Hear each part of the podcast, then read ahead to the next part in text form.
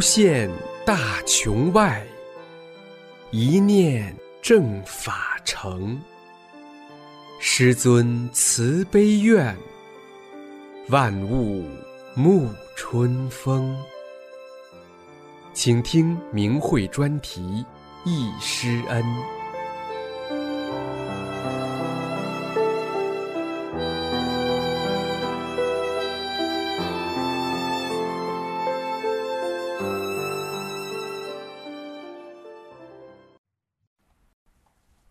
请听明慧忆师恩专题文章，题目是《永生难忘的幸福日子》，作者大陆大法弟子雪莲。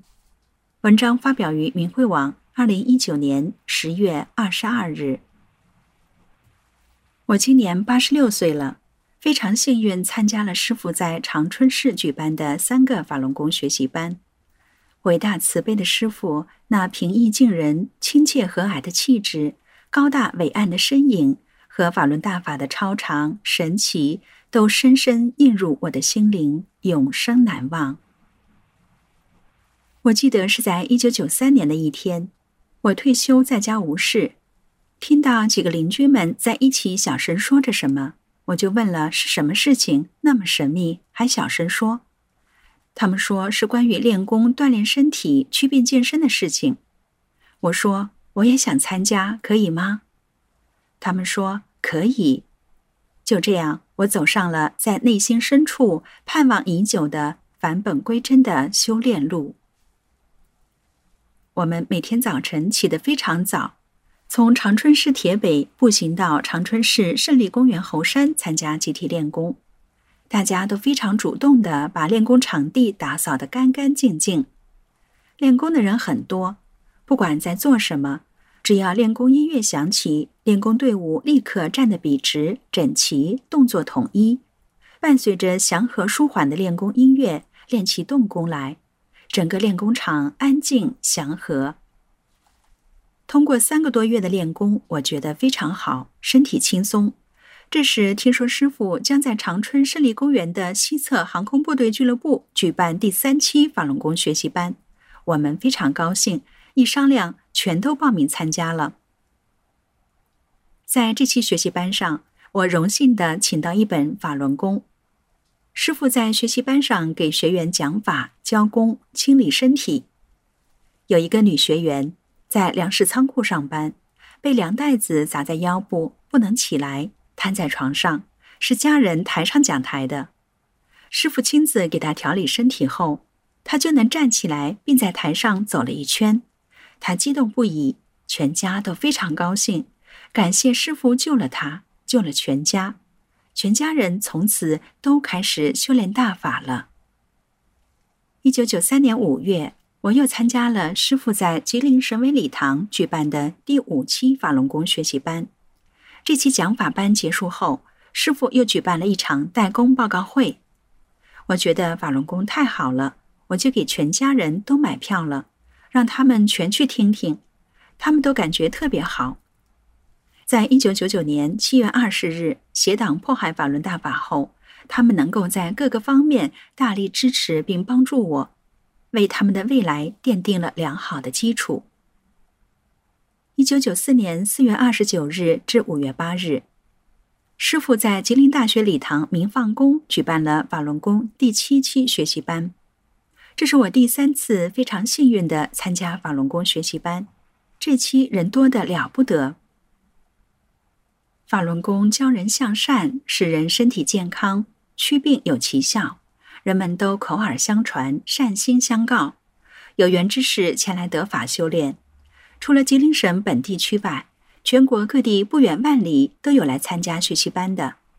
礼堂装不下这么多人，伟大慈悲的师傅就分成早晚两个班，上午九点到十一点一个班，晚上七点到九点一个班，每个班十天。师傅非常辛苦，为了众生得法，没有休息时间，慈悲的讲法教功，纠正学员动作。满足了三千多人听法得法的愿望。伟大慈悲的师傅穿着灰色西服、白衬衫，面带微笑走上讲台，学员们报以热烈的掌声欢迎师傅。师傅讲法时没有讲稿，只有一张纸，却洋洋洒洒地讲出了人类所有知识都没有的宇宙法理。我越听越爱听，感觉太好了。师傅讲法时，我看到师傅身后有白色的光圈，挥手之间，手掌和每个手指都有白色光圈，非常殊胜威严。师傅讲法后，有师傅带的弟子在师傅的指导下教功。师傅走下讲台，来到学员中间，慈悲耐心的一个一个的纠正不准确的动作。我在学练第五套功法神通加持法时，两手拉开的太低了。师傅走到我跟前，手把手的纠正了我的动作，我非常激动。记得五月一日那天，师傅答应了学员的要求，和学员们合影留念。每个地区分别和师傅照相，我们铁北地区十多个人围在师傅身边，留下了永恒的一瞬间。照片上，师傅亲切和蔼，微笑着，穿着灰色西服、白衬衫。双手叠放在身前，高大的身体高出站在两三层台阶的学员，学员们幸福的笑着。这张照片我至今收藏着。还有一张照片是师傅代工报告发功给人祛病清理身体时的照片，师傅身后都是功发出的光辉。照片上师傅的手和胳膊不是一个，而是多个，发出强大的光辉。这张照片我保留珍藏至今。有一个拄拐的学员要坐在椅子上和师傅照相，师傅让他把拐棍扔了，站到后面去。他没有悟到师傅帮他清理身体了。他太太把拐棍拿过去扔了，师傅让他往前走，他一步一步走了好几圈儿。他非常高兴，脑血栓彻底好了。师傅办班收费非常低，十天班才收五十元，老学员跟班收费减半二十五元。伟大慈悲的师傅为学员的生活着想，不给学员带来困境，而给予学员的是身体健康、快乐、思想升华、世界观的改变。这是用多少金钱换不来的，是无价的。可是，一九九九年七二零迫害大法时。造谣污蔑我们伟大的师傅敛财，我给师傅作证，我们可亲可敬的师傅没有敛财，收费是最低的。我非常庆幸自己能够得法修炼，身心发生了很大变化。练功后身体健康，没有吃一粒药，为自己和国家都节省了一大笔医药费，同时思想境界得到升华。在师傅的保护下，兼修大法，救度众生，走到今天。这是我一生最幸福、最愉快、永生难忘的幸福日子。跪谢师恩。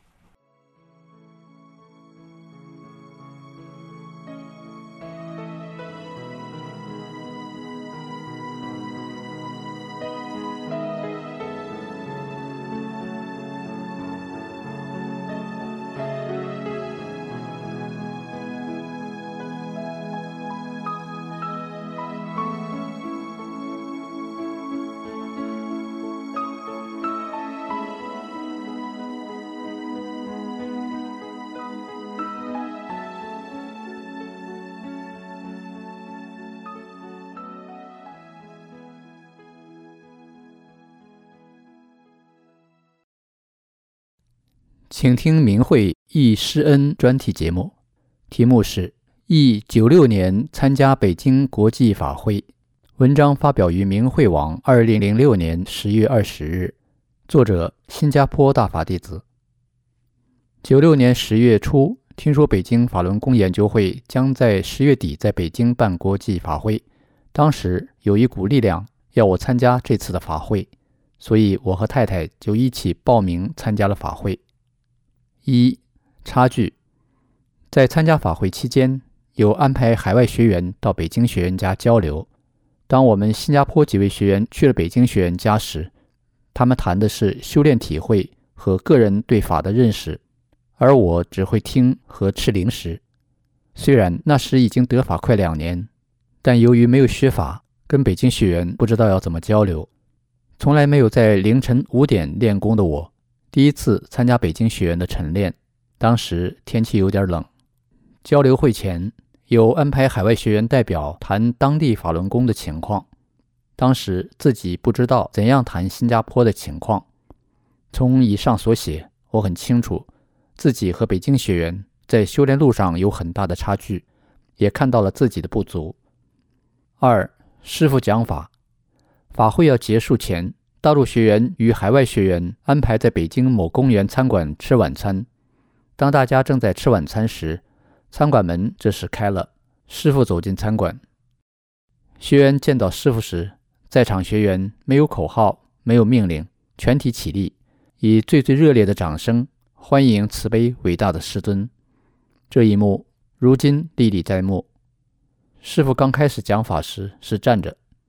由于坐在后面的学员不能很清楚看到师尊，师尊为了让坐在后面的学员能很清楚看到师傅，师傅就必须站高。这时，工作人员拿了一张桌子，在桌子上放一张椅子，师傅就坐上这张椅子讲法。坐在后面的学员这时能很清楚看到师傅。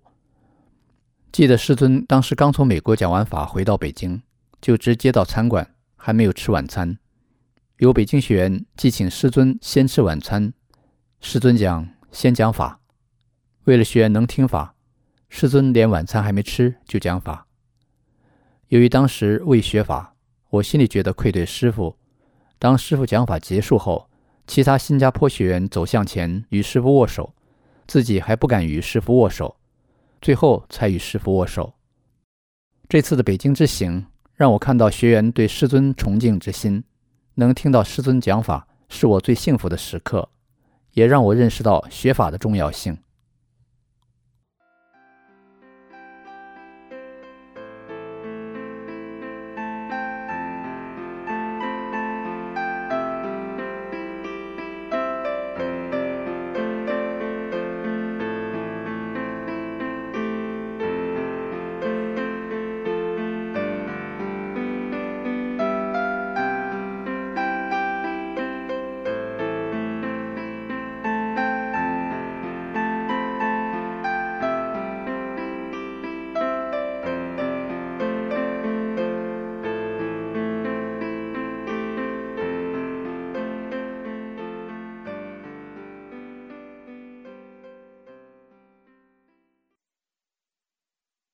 请听易师恩专题文章，题目是《受大法恩泽，不忘弘法救人》，作者北京大法弟子。文章发表于明慧网，二零一九年十月十六日。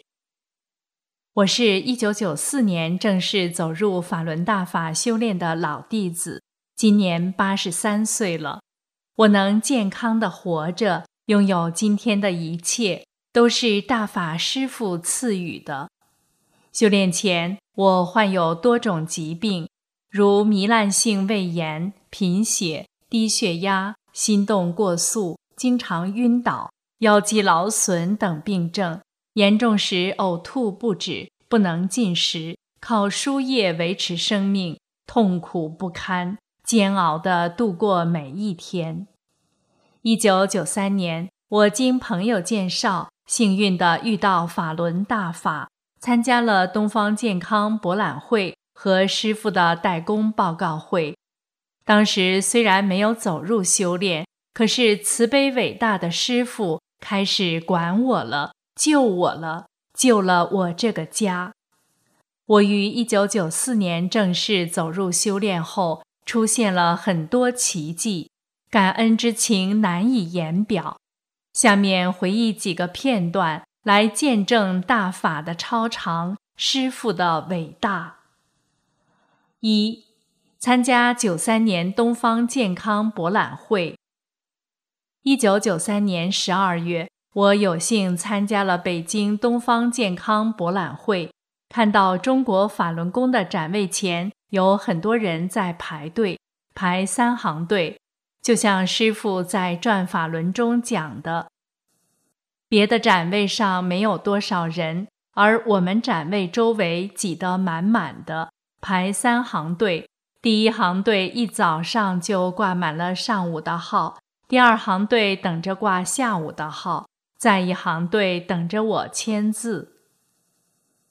那天上午，我来到博览会，人太多了，我没有挂上上午的号，就排队等着挂下午的号。等了很久，下午的号也没排上，我很失望，左顾右盼，还舍不得走。正在这个时候，有一个人跑过来对我说：“病人没来，要退号，问我要不要。”我急忙接过来这张珍贵无比的票。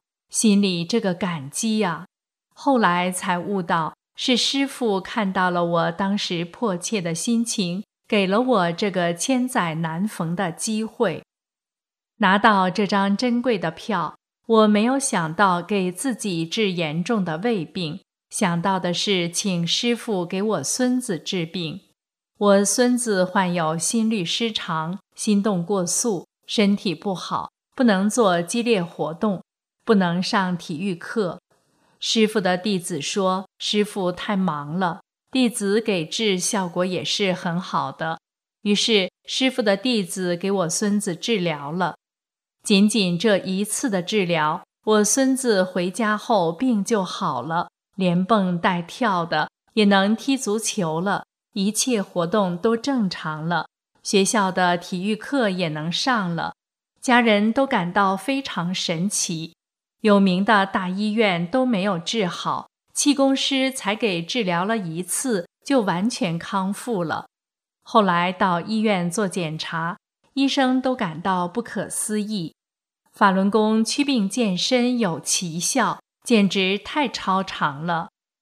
在这次博览会上，我请了一本宝书《中国法轮功》和教功录像带。我在摊位上有幸见到了师傅。师傅是那样的高大魁梧、年轻英俊、帅气伟岸，我感觉好像在哪里见到过师傅，似曾相识，但又想不起来。师傅给人的感觉是那样正，那样慈悲。我怀着非常崇敬的心情仰望着师傅，激动的什么话也说不出来，人好像木了一样。脑子一片空白。这时有几个人想请师傅在宝书上签字留念，我也跟随着他们请师傅签字，就是心情激动，无以言表，连一句感谢的话都没有说。事后想起这件事，非常内疚，非常自责，怎么连句谢谢都没有说出来呢？就在师傅在宝书《中国法轮功》上签字的一瞬间，我身体顿时感觉非常舒服，是我有生以来从未有过的一种轻松愉快的感觉，幸福极了。修炼后才知道，那时师傅就已经管我了，给我净化了身体，在此叩谢师傅洪恩。我从博览会回到家，天气很冷，肚子很饿，我特别想吃饭。吃饭时狼吞虎咽，食欲很好。吃完饭，我才想起来，胃怎么不难受了？还吃了一大碗饭，吃得很香。这对于我这个常年胃病严重的人来说，简直不可思议，真是奇迹。我又高兴又激动。法轮功救了我，法轮功太神奇了。老伴儿看到我一下吃了一大碗饭，也由衷的感到这个法轮功不一般。一九九四年，我正式走入大法修炼，全身的疾病不翼而飞了，从此人精神起来了，心情愉悦，脸色白润，体重增加，精力旺盛。身体比年轻的时候还好。二，参加师傅的代工报告会。在一九九三年东方健康博览会期间，我有缘参加了师尊的代工报告会，听到师傅讲的法，是我有生以来从未听过的高德大法。越听越觉得师傅讲的是天机，自己感到融在大法中，太幸福了，都太幸运了，遇到了千载难逢的佛法，懂得了人生的意义。以及世间苦难皆有因缘，只有返本归真，才是做人的根本。师傅讲的法理深入浅出，理白言明，可是内涵却很博大，如雷贯耳，深深震撼着我。我下决心跟随师傅学到底。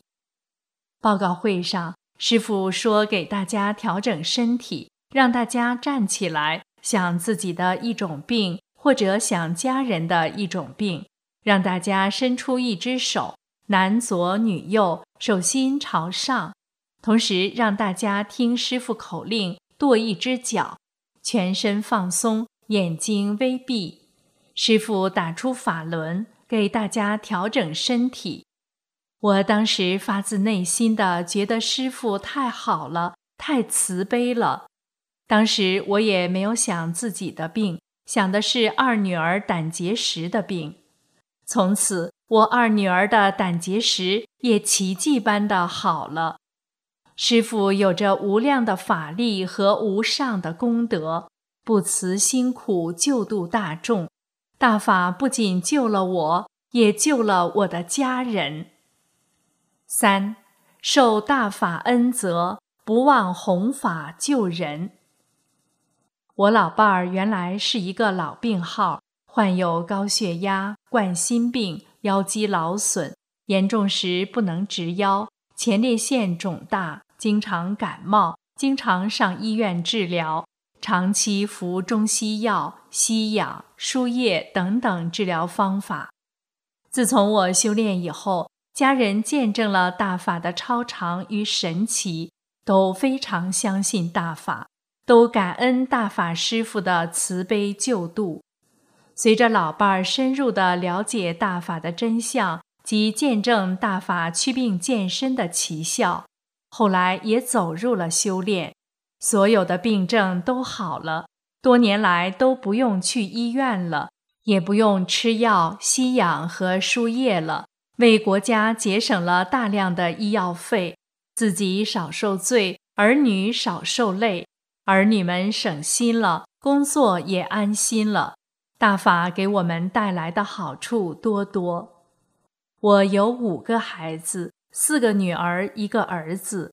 大女儿、二女儿和儿子都相信法轮大法好，真善人好，支持我们修炼，经常默念法轮大法好，真善人好，都得到了大法的福益。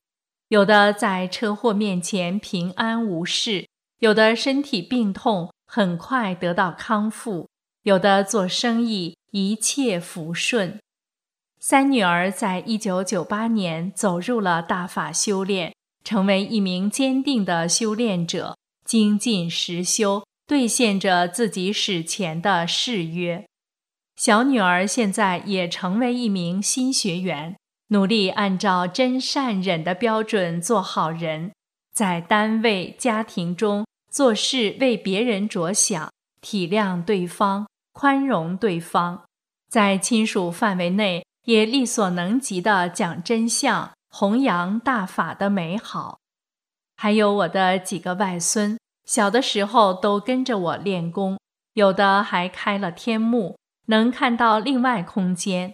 他们后来没有坚持练下去，但大法真善忍的法理在他们幼小心灵深深扎了根。他们人品正直，事业顺利，家庭和睦。我的大家庭深受大法洪恩，孩子们孝顺，老人们健康。大法真善忍的光辉照耀着我们的家。我们全家感谢李洪志大师的救度之恩，我们全家深受大法的恩泽，总想把这么好的功法让更多的人受益。我们将宝书赠送给亲朋好友，或将大法真相录制在 TF 卡里，赠送播放器传给他们听。还有时到亲朋好友家里教给他们练功，许多人都受益匪浅。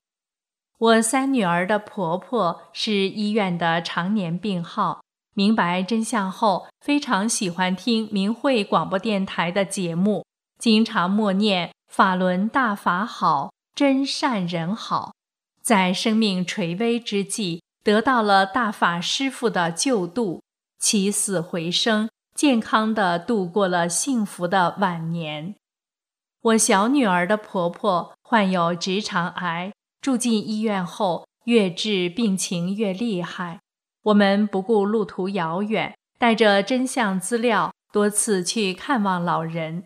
他看到我们身心健康，体力精力犹如年轻人一样，也感受到法轮大法的超常和我们对他的真诚关心，接受了我们的劝告，相信大法好，默念法轮大法好，真善人好，退出了曾经加入的邪党组织，身体越来越康复，不久就出院了。自己在家能料理自己的事情，他闺女看到他母亲康复如此快，也相信大法好，真善人好，并做了三退，退出了团和少先队组织。他发自内心的感谢我们对他母亲的帮助，激动地说：“学法轮功的人都有大爱啊！”我老伴儿也借他们朋友聚会之机。现身说法，讲大法的美好，讲邪党迫害真相，使很多人了解真相，选择了三退。我的表妹是一位肺癌患者，多次听真相，明白了真相，选择了三退，经常默念法轮大法好，真善人好，身体得到了调理，病症越来越轻，去年也走入了修炼。他说：“我从法轮功里受益了，我要弘扬大法，弘扬真善忍。原来我听信了广播和电视谎言宣传，对法轮功有误解。现在我从内心向李大师道歉。法轮功才是净土，才是使人提升的好功法。我谢谢李大师对我的救度。”他经常向他的亲属和邻居等朋友谈论法轮功祛病健身的功效，讲按照真善忍做好人没有错，讲因果报应，讲邪党的邪恶等等。他用具体行动感恩法轮大法，感恩师父的洪恩。明白真相的世人也是活传媒，通过心传心。口传口，把大法的美好传得越来越广，越来越深入人心。愿更多的中国民众了解真相，得到大法的救度，选择美好的未来。师恩难报，唯有精进，做好师父让做的三件事，才能不辜负师尊的慈悲苦度。